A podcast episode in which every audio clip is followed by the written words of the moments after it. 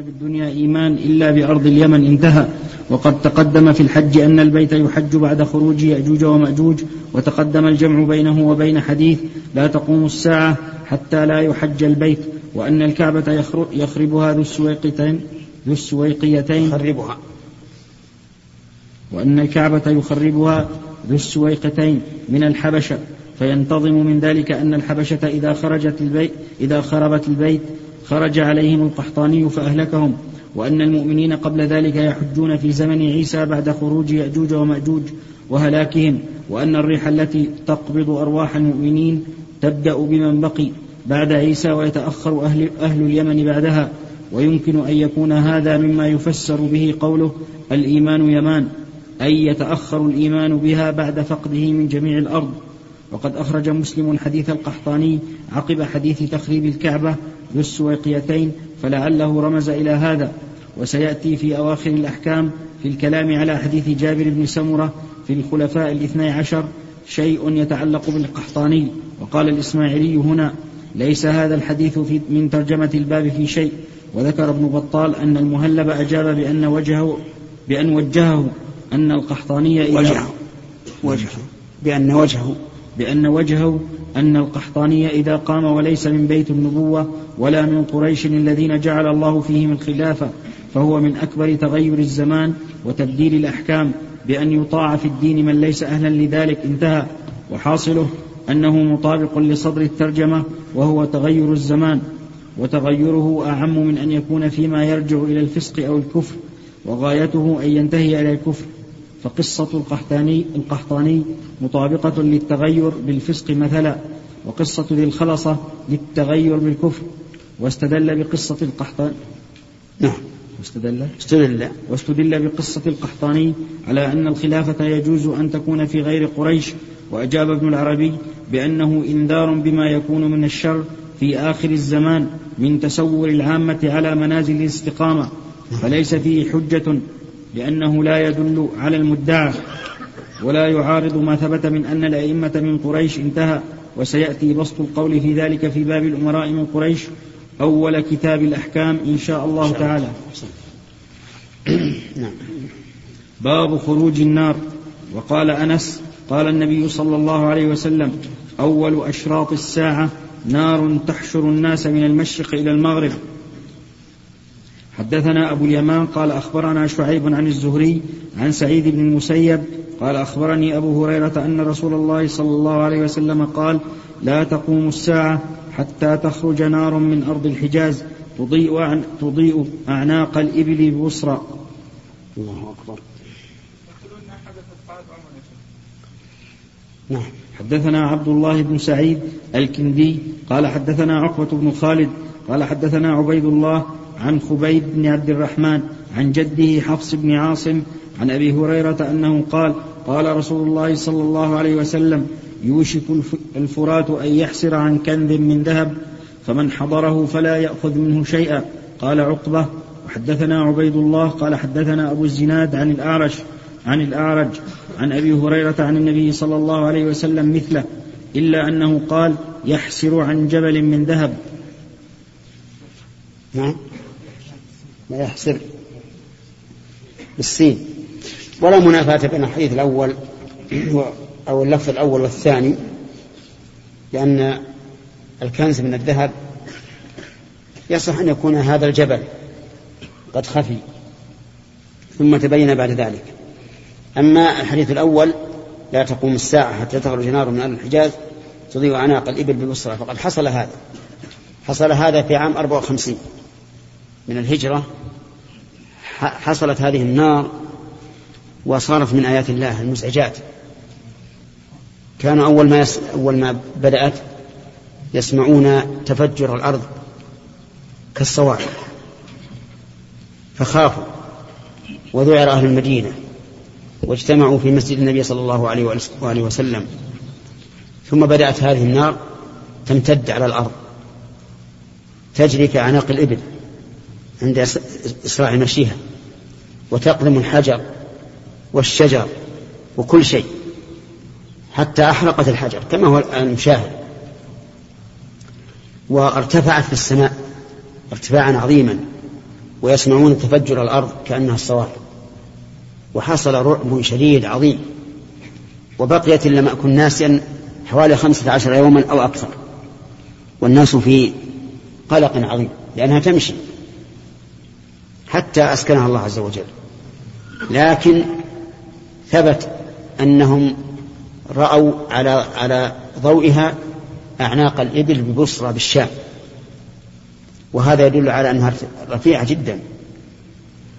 وعلى أنها قوية قوية جدا. ولهذا صارت الآن الأحجار اللي تشاهدون في الحرة هي من أثارها. أحجار ناشة ما فيها إلا الحجر الصلب. متخرقة سبحان الله وحادة. يقولون إنه لو أن الإنسان ذهب في, في هذه الحرة لهلك. ما يرجع. لأنه إن كان حافيا تقطعت رجلاه وإن كان مناعلا تقطعت النعال ثم تقطع القدمان بعد ذلك. لأنها بعيدة وفيها أطراف كالسكاكين. نسأل الله العافية. ولعل المؤلف بسط القول فيها. ابن حجر ابن حجر. لا الناس يهربون منها لأنها ما تأتي الظهر بسرعة. تمشي مشيا تدب دبيبا. نستمع إلى ابن حجر كان هو يتكلم عليها. كل الباب يا شيخ. النار كلها لأنها عبرة.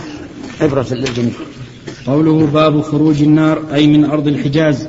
ذكر فيه ثلاثة أحاديث.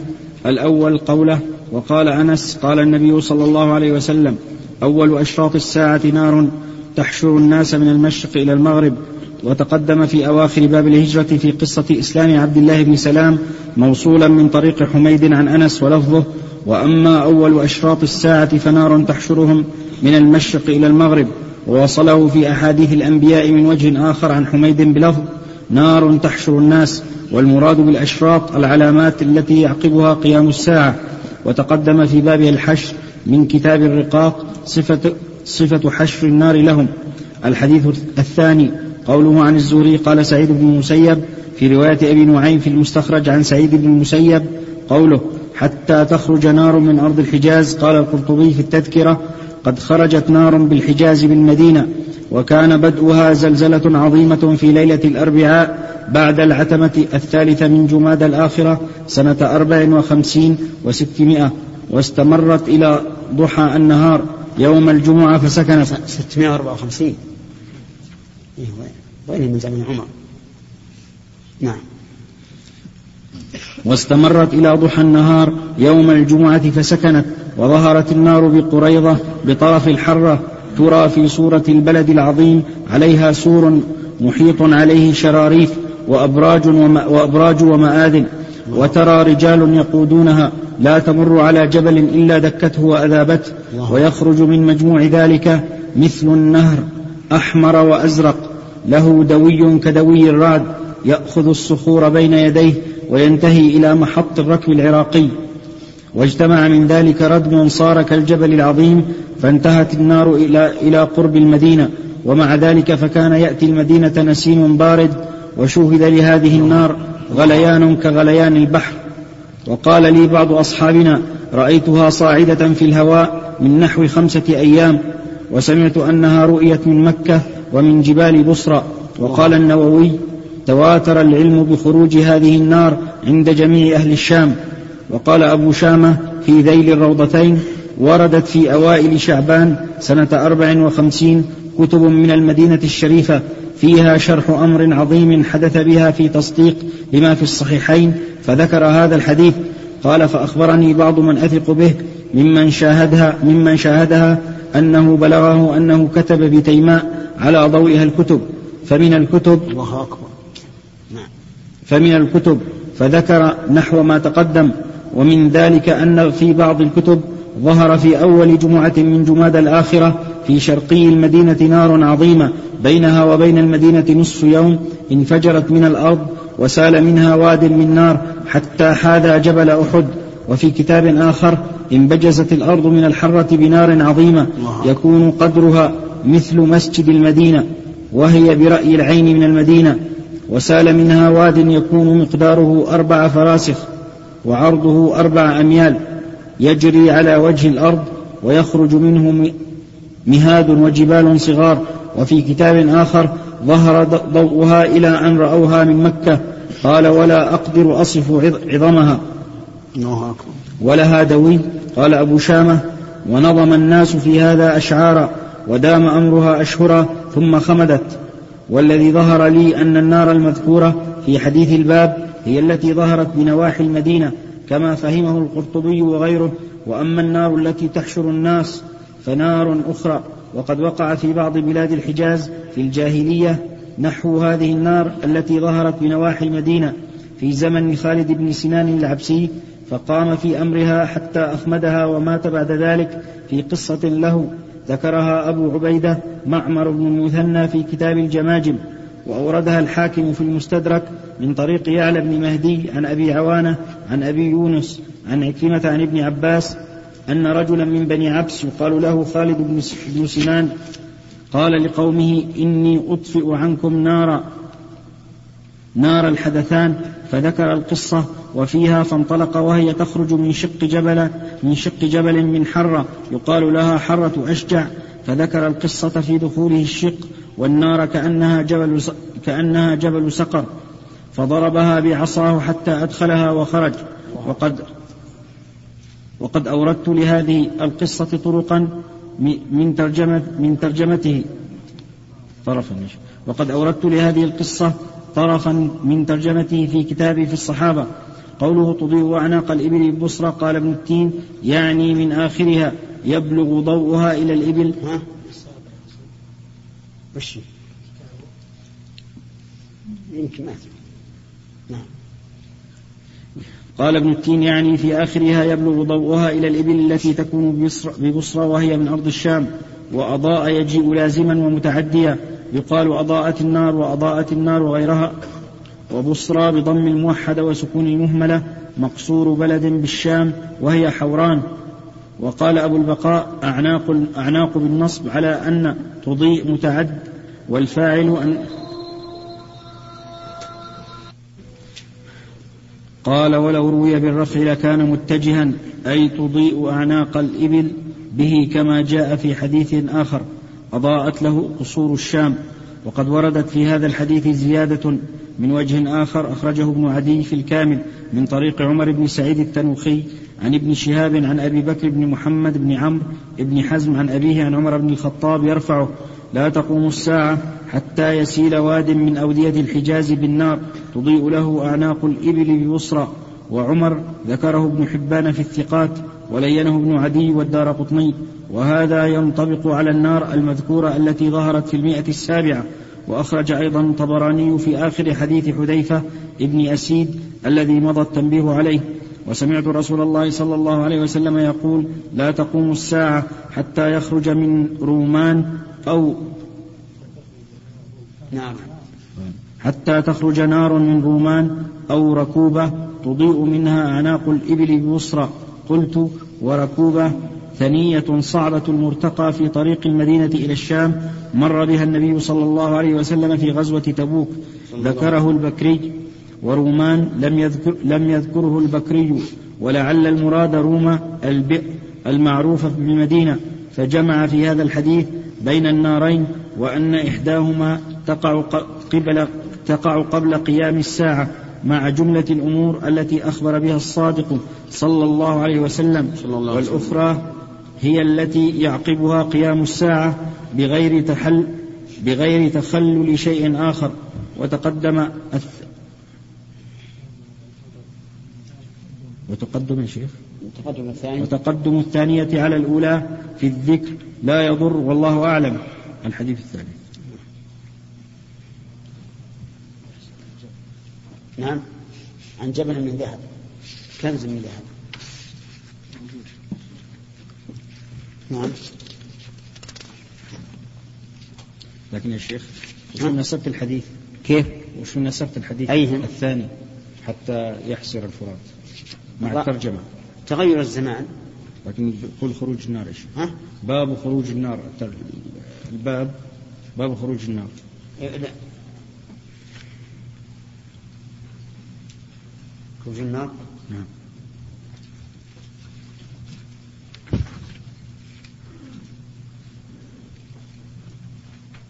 ما عندي ما أعرف. ما أعرف. خليه إن شاء الله يلبس الطالب نعم أيهن ها؟ حديث النار نعم. هذا بسط القول فيه في البداية والنهاية من كثير. بسط القول فيه وذكر ما في حوالي 654 الحرة الموجودة ما في عهد الرسول صلى الله عليه وسلم لا لا بهذه الصفة لا. نعم. طيب شيخ قوله يحسر عن جبل من ذهب يعني بعدين نخلي الدرس القادم إن شاء الله. طاغية وهي حجر يعني الناس هم اللي يعني استعملوها في غير ما يعني ما لماذا سمي طاغية؟ كل معبود من من من من دون الله فهو طاغية باعتبار الفاعل. أي نعم أي نعم هذه. هم طغوا بها. طغى معناها المصدر هو اسم فاعل؟ نعم.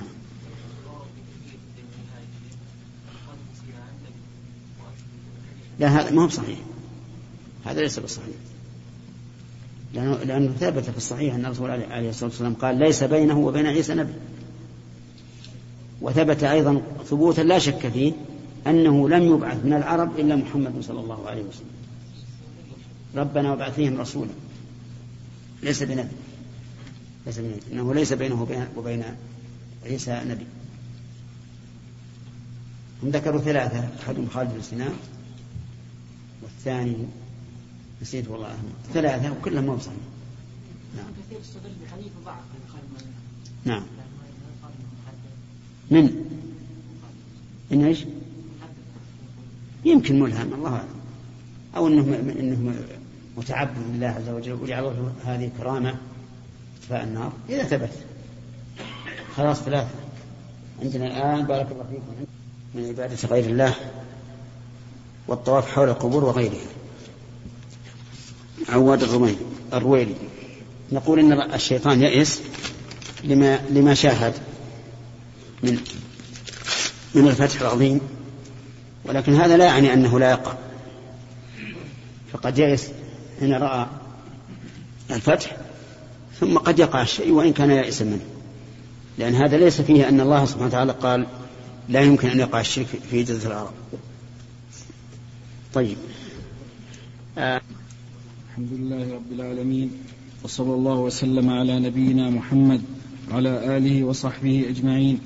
قال البخاري رحمه الله تعالى حدثنا عبد الله بن سعيد الكندي قال حدثنا قال حدثنا عقبة بن خالد قال حدثنا عبيد الله عن خبيب بن عبد الرحمن عن جده حفص بن عاصم عن أبي هريرة قال قال رسول الله صلى الله عليه وسلم يوشك الفرات أن يحسر عن كنز من ذهب فمن حضره فلا يأخذ منه شيئا. قال عقبة وحدثنا عبيد الله قال حدثنا أبو الزناد عن الأعرج عن أبي هريرة عن النبي صلى الله عليه وسلم مثله إلا أنه قال يحسر عن جبل من ذهب. بسم الله الرحمن الرحيم. هذا أيضا من آيات النبي صلى الله عليه وآله وسلم حيث أخبر, أخبر بهذا الخبر الذي سيقع. وقوله من جبل لا ينافي قوله من كنز. لأن الكنز قد يكون مثل الجبل. وقد أول هذا الحديث بعض بعض المتأخرين. فقال أن المراد به الذهب الأسود يعني البترول. وأيد ذلك بقرب مناطق منابع البترول من هذا. ولكن في النفس من هذا شيء. وابن حجر تكلم عنه. قوله يح قوله أن يحسر. قوله الفرات أي النهر المشهور وهو بالتاء. بالتاء المجرورة على المشهور. ويقال يجوز أن يكتب بالهاء كالتابوت والتابوه والعنكبوت والعنكبوه. أفاده الكمال بن العديم. في تاريخه نقلا عن إبراهيم عن إبراهيم بن أحمد بن الليث قوله فمن حضره فلا يأخذ منه شيئا. هذا يشعر بأن الأخذ منه ممكن وعلى هذا فيجوز أن يكون دنانير ويجوز أن يكون قطعا ويجوز أن يكون تبرا. قوله قال عقبة. قوله يحسر جبل من ذهب يعني أن الروايتين اتفقتا إلا في قوله كنز فقال الأعرج جبل. وقد ساق أبو نعيم في المستخرج الحديثين بسند واحد من رواية بكر بن أحمد بن مقبل عن أبي سعيد الأشج وفرقهما ولفظهما واحد إلا لفظ كنز وجبل وتسميته كنزا باعتبار حاله قبل أن ينكشف وتسميته جبلا للإشارة إلى كثرته ويؤيده ما أخرجه مسلم من وجه آخر. عن أبي هريرة رفعه تقيء الأرض أفلاذ كبدها أمثال الأسطوان من الذهب والفضة فيجيء القاتل فيقول في هذا قتلت ويجيء السارق فيقول في هذا قطعت يدي ثم يدعونه. فيجيء القاتل؟ نعم. فيجيء القاتل؟ فيجيء القاتل فيقول في هذا قتلت ويجيء قتلت لأنه قاتل. في هذا قتلت ويجيء السارق فيقول في هذا قطعت يدي ثم يدعونه فلا يأخذون منه شيئا. قال ابن التين إنما نهى عن الأخذ منه لأنه للمسلمين فلا يؤخذ إلا بحقه. قال ومن أخذه وكثر المال ندم لأخذه ما لا ينفعه. وإذا ظهر جبل من ذهب كسد الذهب ولم ولم يرد قلت. وإذا ظهر جبل من ذهب كسد الذهب. نعم. وإذا ظهر جبل من ذهب كسد الذهب ولم يرد قلت. وليس الذي قاله ولم يرد قلت. وليس الذي قاله ببين والذي يظهر أن النهي عن أخذه لما ينشأ عن أخذه من الفتنة والقتال عليه وقوله وإذا ظهر جبل من ذهب إلى آخره في مقام المنع وإنما يتم, ما زعم من الكساد أن لو اقتسمه الناس بينهم بالسوية ووسعهم كل كلهم فاستغنوا أجمعين فحينئذ تبطل الرغبة فيه. وأما إذا حواه قوم دون قوم فحرص من لم يحصل عليه من لم يحصل له منه شيء باق على حاله. فحرص, فحرص من لم يحصل له منه شيء باق على حاله ويحتمل أن تكون الحكمة في النهي عن الأخذ منه لكونه يقع في آخر الزمان عند الحش الواقع في الدنيا وعند عدم الظهور أو قلته فلا ينتفع بما أخذ منه ولعل هذا هو السر في إدخال البخاري له في ترجمة خروج النار. ثم ظهر لي رجحان الاحتمال الأول لأن مسلما أخرج هذا الحديث أيضا من طريق أخرى عن أبي هريرة بلفظ يحسر الفرات عن جبل من ذهب فيقتل عليه الناس. يقتتل أو يقتل. فيقتل. فيقتل عليه الناس فيقتل من كل مئة تسعة وتسعون. تسعة وتسعون ويقول كل رجل, رجل منهم لعلي أكون أنا الذي أنجو. وأخرج مسلم أيضا عن أبي بن كعب قال لا يزال الناس مختلفة أعناقهم في طلب الدنيا. سمعت رسول الله صلى الله عليه وسلم يقول يوشك أن يحسر, يحسر الفرات عن جبل من ذهب فإذا سمع به الناس صاروا إليه فيقول من عنده لئن تركنا الناس يأخذون منه ليذهبن, ليذهبن به كله. قال فيقتتل كله. قال ف... به كله. يأخذون من ليذهبن به كله. قال في فيقتتلون عليه. فيقتل من كل مئة تسعة وتسعة وتسعون. فبطل ما تخيله ابن التين. وتوجه التعقيب عليه. ووضح أن السبب في النهي عن الأخذ منه. وتوجه التعقب عليه. ووضح أن السبب في النهي عن الأخذ منه ما يترتب على طلب الأخذ منه من, من الاقتتال فضلا عن الأخذ. ولا مانع أن يكون ذلك عند خروج النار للمحشر لكن ليس ذلك السبب في النهي عن الأخذ منه وقد أخرج لكن ليس ذلك السبب في النهي عن الأخذ منه وقد أخرج ابن ماجه عن ثوبان رفعه قال يقتل عند كنزكم ثلاثة كلهم ابن خليفة فذكر الحديث في المهدي فهذا إن كان المراد بالكنز فيه الكنز الذي في حديث الباب دل على أنه إنما يقع عند ظهور المهدي.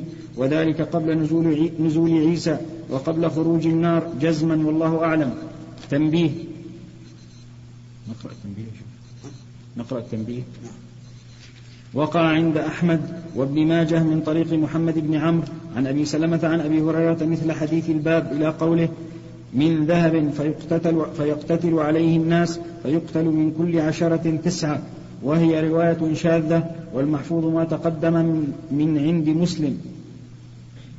وشاهده من حديث أبي بن كعب من كل مئة تسعة وتسعون ويمكن الجمع باختلاف تقسيم الناس إلى قسمين. انتهى. نعم. إيش؟ نعم. لا ما في. أقول ما في. فيه أن هذا يكون وأنه قريب. قوله يحسن الحسر هو يعني أن ينكشف عن الجبل أم يبقى والنفس الماء يبقى لا الظاهر الماء ينفتح. لكن هل معناه أن الجبل ينمو ويخرج؟ أو أن الماء ينضب فيتبين هذا. الله أعلم. نعم.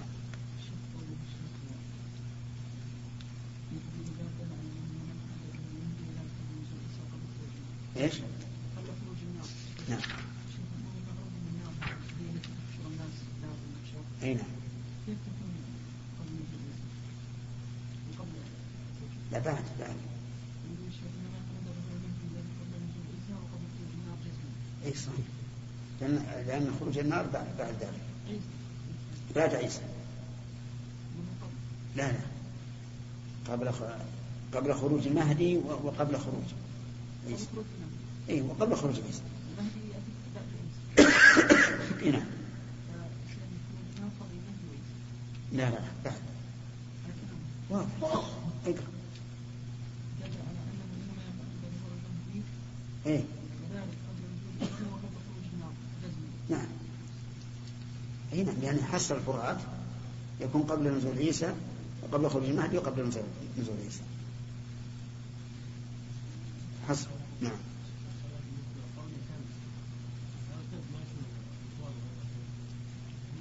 بس الرسول قال من ذهب. كنز من ذهب. هو البترول ليس من ذهب. البترول بالمعنى العام إنه مكنوس في الأرض. لكن ليس هو الكنز المعروف. كنز عند العلماء مر علينا ما وجد من دفن الجاهلية. باب حدثنا مسدد قال حدثنا يحيى عن شعبة قال حدثنا معبد قال سمعت حارثة بن وهب قال سمعت رسول الله صلى الله عليه وسلم يقول تصدقوا فسيأتي على الناس زمان يمشي الرجل بصدقته فلا يجد من يقبلها. قال مسدد حارثة أخو عبيد الله ابن عمرو لأمه. عمر. ابن عمر لأمه. قاله أبو عبد الله. نعم. حدثنا أبو اليمان. قال أخبرنا شعيب. قال حدثنا أبو الزناد عن عبد الرحمن عن أبي هريرة. أن رسول الله صلى الله عليه وسلم قال لا تقوم الساعة حتى تقتتل فئتان عظيمتان تكون بينهما مقتلة عظيمة دعوتهما واحدة وحتى يبعث دجالون كذابون قريب من ثلاثين كلهم يزعم أنه رسول الله وحتى يقبض العلم. وتكثر الزلازل ويتقارب الزمان وتظهر الفتن ويكثر الهرج وهو القتل وحتى يكثر فيكم المال فيفيض, فيفيض حتى يهم رب المال من, يقبل صدقته وحتى يعرضه فيقول الذي يعرضه عليه لا أرب لي به وحتى يتطاول الناس في البنيان وحتى يمر الرجل بقبر الرجل فيقول يا ليتني مكانه وحتى تطلع الشمس من مغربها فإذا طلعت ورآها الناس آمنوا أجمعون فذلك حين لا ينفع نفسا إيمانها. فإذا رأى الناس يعني.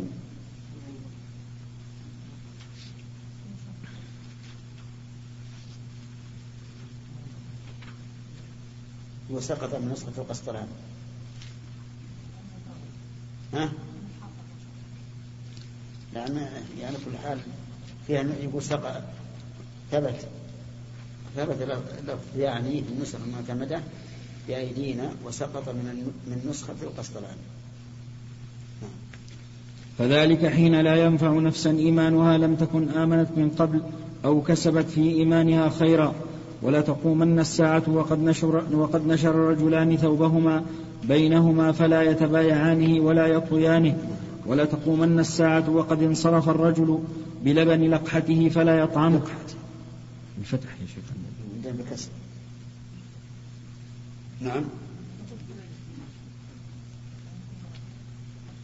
عندنا عندنا بالكسر نبه عليها عندك؟ نبه عليها؟ عقد عقد حركتين. نعم. ولا تقومن الساعة وهو يلوط حوضه فلا يسقي فيه. ولا تقومن الساعة وقد رفع أكلته إلى فيه فلا يطعمها. هذا فيه عدة أشياء. لا تقوم الساعة حتى تقع. بعضها مر علينا وفي أيضا أن الساعة تأتي بغتة. فتأتي وقد نشر الرجلان ثوبهما بينهما فلا يتبايعان ولا طبيعان يعني البائع عرض على المشتري الثوب وفل وفله له لينظره فتقوم الساعة قبل أن يمضي البيع وقبل أن يطويه البائع أو المشتري. كذلك تقوم الساعة وهو يليط حوضه أن يصلحه لشرب الإبل فيه فلا يسقي فيه. ولا تقوم الساعة وقد رفع أكلته إلى فيه فلا يطعمه. تقوم الساعة ما بين رفع اللقمة وإدخالها في الفم. وهذا مستاق قوله تعالى لا تأتيكم إلا بغتة. نعم الله المستعان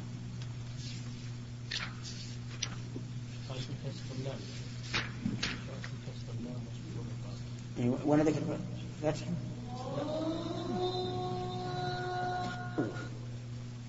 فمن كان متصوفا فهذه طريقته ما ما ما دخل في أفكارهم فهو مشروع. المواعظ لها وقت. لها وقت. ولم يكن الرسول عليه الصلاة والسلام يعظ الناس عند الصلاة على الجنائز. ولا كذلك يعظون في المقابر. بعض الناس عند عند الدفن. يقوم فيعظ الناس بخطبة طولها من أطول من 12 شهر في السنة. نعم. يعظ الناس. هذا أيضا غير مشروع. لا أعلم أن الرسول عليه الصلاة والسلام فعل ذلك. لا أعلم أن الرسول فعل ذلك. إلا في في, في قضيتين فقط. القضية الأولى خرج في جنازة رجل من الأنصار فانتهوا إلى المقبرة ولما يلحد له. يعني مات من لحد. فجلس وجلس أصحابه حوله. ومعه مخصرة ينكت بها الأرض عليه الصلاة والسلام ثم حدثهم حديث الجالس مو حديث الواعظ القائم حديث الجالس ينتظرون متى يلحد القبر. حدثهم عن حال الإنسان عند الموت وحاله عند السؤال الملكين. حتى انتهى الناس من اللحد وانتهت القضية. والثانية حين ماتت إحدى بناته. كان عليه الصلاة والسلام على شفير القبر وهي تدفن. فقال ما منكم من أحد إلا وقد كتب مقعده من الجنة ومقعده من النار. قالوا يا رسول الله فلا ندع العمل ونتكل على الكتاب؟ قال لا اعملوا فكل ميسر لما خلق له. أما أن يقوم واحد يحب الناس قائما بصوت مرتفع فهذا من البدع. من البدع وربما يفتح شر. شر في المستقبل ما ندري. الناس الآن يفتح لهم بس بدعة كجب الإبرة يجعلونه كالريع العظيم. لهذا يجب التنبه لمثل هذه الأمور. وأن الإنسان لا يقيس الأمور بالحاضر مستصغر يعني النار معظمها من مستصغر الشرع. بعد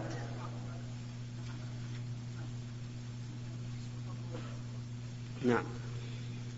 أولا نطالب هؤلاء بصحة النقل أقول خل عنك فإذا صح النقل ففعل عثمان رضي الله عنه. قد يكون لسبب عارض ما نعرف عنه شيئا. ثم هذا الأمر موجود في عهد الرسول عليه الصلاة والسلام. ولو كان هناك سبب أنفع للعبد مما ذكره الرسول عليه الصلاة والسلام من أن الذي من من أمر من الأمر بزيارة المقبرة والسلام عليهم لكان الرسول أرشد الأمة اليه. فاولا لا بد أن نطالبك الآن بصحة النقل. صحح لنا النقل هذا ثم بعد ذلك يمكن الجواب عليه إن شاء الله. لأني ما أعتقد أن شيئا يوجد سببه في عهد الرسول ثم يأتي أحد يفعله إلا وهو على خلاف الصواب. نعم. لو انهم مثلا الآن ذهبوا إلى المقبرة ولما يلحد القبر نعم. هل أن يعظ الناس حتى واقف يعني وموعظة كبيرة. واقف أو جالس؟ لا فرق بين أنا الآن أحدثكم حديث. جالسين في مجلس نحدثكم هل يقال هذا الرجل قام في موعظة؟ قام خطيبا في الناس؟ ما يقال. فلا بأس. لا بأس لا بأس أن إذا جلسوا حوله يذكرهم بالموت ويذكرهم بحال العبد عند الاحتضار وبعد الدفن كما فعل الرسول عليه الصلاة والسلام. يا شيخ لو كان هذا تصرف فردي ما يكون ما الناس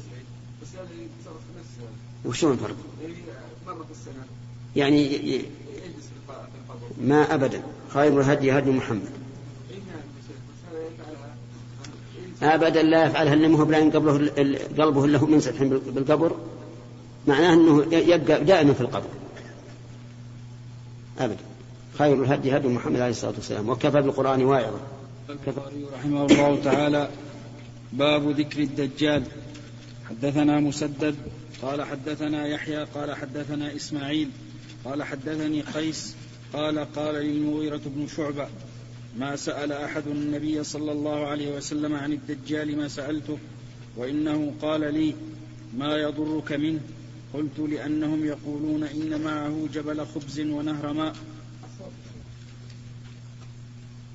نعم. قال بل هو أهون على الله من ذلك. بسم الله الرحمن الرحيم. باب ذكر الدجال. الدجال صيغة مبالغة من الدجل وهو التمويه والكذب. أو هو نسبة كما يقال البناء والنجار والحداد وما أشبه ذلك. وهو في الحقيقة يصح أن يكون نسبة وأن يكون صيغة مبالغة. لأنه بالنسبة إلى وصف الأصل الملازم له يكون إيش؟ نسبة. وبالنسبة لأفعاله التي تقع منه يكون مبالغة طيب. هذا الدجال من بني آدم. وفتنته أعظم فتنة مرت على بني آدم منذ خلق آدم إلى قيام الساعة. ولهذا أمر النبي صلى الله عليه وآله وسلم أن نستعيذ به أن نستعيذ به بالله منه في كل صلاة. يخرج في آخر الزمان يبتلي به الله الناس. لأنه يخرج ويدعي أنه رب ويعطى من الآيات ما به فتنة لأنه يأمر السماء فتمطر ويأمر الأرض فتنبت ويأمر السماء فتمسك ويأمر الأرض فتجدب امتحانا من الله سبحانه وتعالى. ولهذا قال الرسول عليه الصلاة والسلام إن يخرج وأنا فيكم فأنا حجيجه دونكم. وإلا فالله خليفتي على كل مسلم.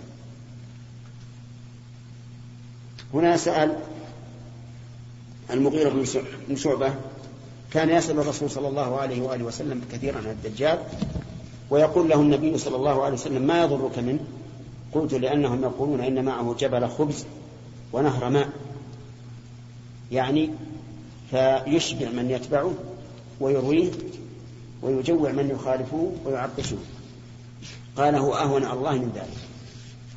أهون على الله من ذلك من أن يكون معه هذا الشيء. لأن الشيء الذي معه الجنة والنار التي معه كلها تمويه. جنته نار وناره جنة. فهو أهون على الله من أن يجعل معه ثوابا أو عقابا. لكن مع ذلك يفتن الله بالناس فتنة الدنيا. نعم. حدثنا موسى بن إسماعيل قال حدثنا وهيب قال حدثنا أيوب عن نافع عن ابن عمر وراه عن النبي صلى الله عليه وسلم أنه قال أعور العين اليمنى كأنها عنبة طافية. ما عندنا؟ عندنا سعد بن حفص. عندكم حدثنا موسى بن إسماعيل. إيه هذا بالحاشية نعم. أو بالهامش. قوله أعور عين يمنى. هذا من باب إضافة الموصوف إلى صفته. يعني أعور العين اليمنى. كأنها عنبة طافئة. فوصفه النبي عليه الصلاة والسلام وصفا كأن ما يراه بعينه. نعم. حدثنا سعد بن حفص. قال حدثنا شيبان عن يحيى عن إسحاق بن عبد الله بن أبي طلحة عن أنس بن مالك قال قال النبي صلى الله عليه وسلم يجيء الدجال حتى ينزل في ناحية المدينة ثم ترجف المدينة ثلاث رجفات فيخرج إليه كل كافر ومنافق. نعم. حدثنا عبد العزيز بن عبد الله قال حدثنا إبراهيم بن سعد عن أبيه عن جده عن أبي بكرة عن النبي صلى الله عليه وسلم أنه قال لا يدخل المدينة رعب المسيح الدجال ولها يومئذ سبعة أبواب على كل باب ملكان. حدثنا علي وهذا أمان لأهل المدينة من فتنة الدجال. لكن المؤمنون منهم. أما المنافق والكافر فإنه يخرج يخرج إليه بالرجفات التي تحدث. نعم. نعم. قال اني سالت عن النبي صلى الله عليه وسلم ان يخرج الجبل الا اني لم اساله ماذا يخرج أهل المدينة منها وهذا الشيخ يقول تكون هذه الرجفات هي التي تخرجهم أي أو يخرجهم شيئا آخر وتكون رجفات ظاهر الحديث اللي معنا إنها هي اللي تخرجهم الف تعقب ما بعدها على ما قبلها. نعم. على حذيفة أو ما علم الرسول بذلك إلا بعد إن كان قال له شيء آخر. أو يجمع بين بينهما بأنها تجتمع ما أدري عن حديث حذيفة الذي تقول. أقول لا أدري ما لفظه. إلا أني لم أسأله عن شيئين. ذكر يجينا إذا كان في البخاري. إذا كان في البخاري سيأتينا. أنتم.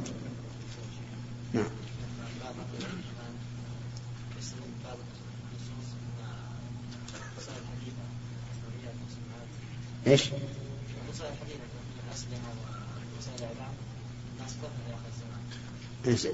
إيش؟ ستفنى؟ إي نعم.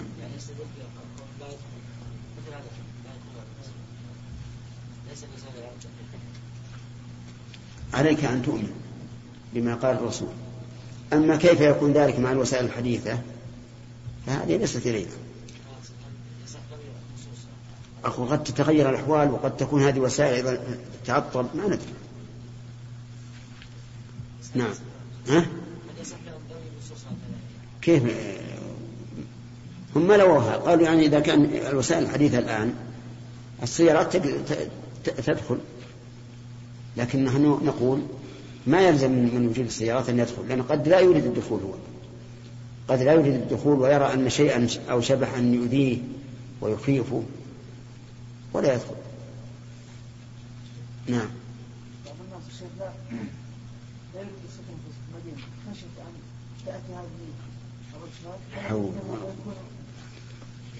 إذا كان يخاف النفاق على نفسه إن سكن في المدينة فليخف النفاق إن سكن في محل آخر.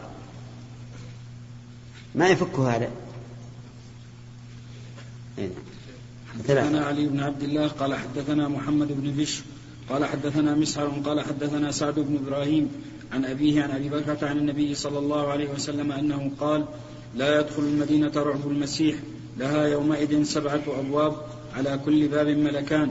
قال وقال ابن إسحاق وقال ابن إسحاق عن صالح بن إبراهيم عن أبيه قال قدمت البصرة فقال لي أبو بكر سمعت النبي صلى الله عليه وسلم بهذا. حدثنا عبد العزيز بن عبد الله قال حدثنا إبراهيم عن صالح عن, عن ابن شهاب عن سالم بن عبد الله أن عبد الله بن عمر رضي الله عنهما قال قام رسول الله صلى الله عليه وسلم في الناس فأثنى على الله بما هو أهله ثم ذكر الدجال فقال إني لأنذركموه وما من نبي إلا وقد أنذره قومه ولكني سأقول لكم فيه قولا لم يقله نبي لقومه إنه أعور وإن الله ليس بأعور. اللهم صل وسلم عليه. هذا من تمام من تمام بيان الرسول صلى الله عليه وآله وسلم. أنه أنه بين لنا شيئا لم يبينه الأنبياء قبله مع أن الأنبياء من قبله أنذروا به وهو أنه أعور وأن الله ليس بأعور. فإن قال قائل كيف ينذر كل قوم كل نبي قومه وهو لا يأتي إلا في آخر الزمان؟ قلنا هذا من باب التنويه على شدة فتنته وأنها فتنة عظيمة أطبقت عليها الأنبياء في الإنذار. وأيضا قد يقول قائل كيف ذكر النبي عليه الصلاة والسلام هذه هذه العلامة الحسية أنه أعور وأن الله ليس بأعور مع أن هناك أدلة عقلية تدل على بطلان الدواء الألوهية. قلنا لأن الفتنة عظيمة قد تروغ فيها الأذهان. وتزيغ فيها العقول. فذكر النبي عليه الصلاة والسلام علامة حسية يشاهد الإنسان بعينه. هذا وهذا من حكمة الرسول عليه الصلاة والسلام. وإلا فهم المعلوم عقلا أن بشرا من البشر لا يمكن أن يكون إلها ولكن الفتنة نعوذ بالله منها تزيغ منها القلوب وتروغ الأذهان. فلهذا ذكر عليه الصلاة والسلام علامة حسية. وفي هذا الحديث دليل على أن الله له عينان. اثنتان فقط. وقد قال بعض الناس كيف تثبتون لله عينين؟ وقد قال الله تعالى تجري بأعيننا وقال ولتصنع على عين. فلم يذكر إلا إفرادا وجمعا. والجواب عن هذا أن يقال أولا أن السنة وردت بأن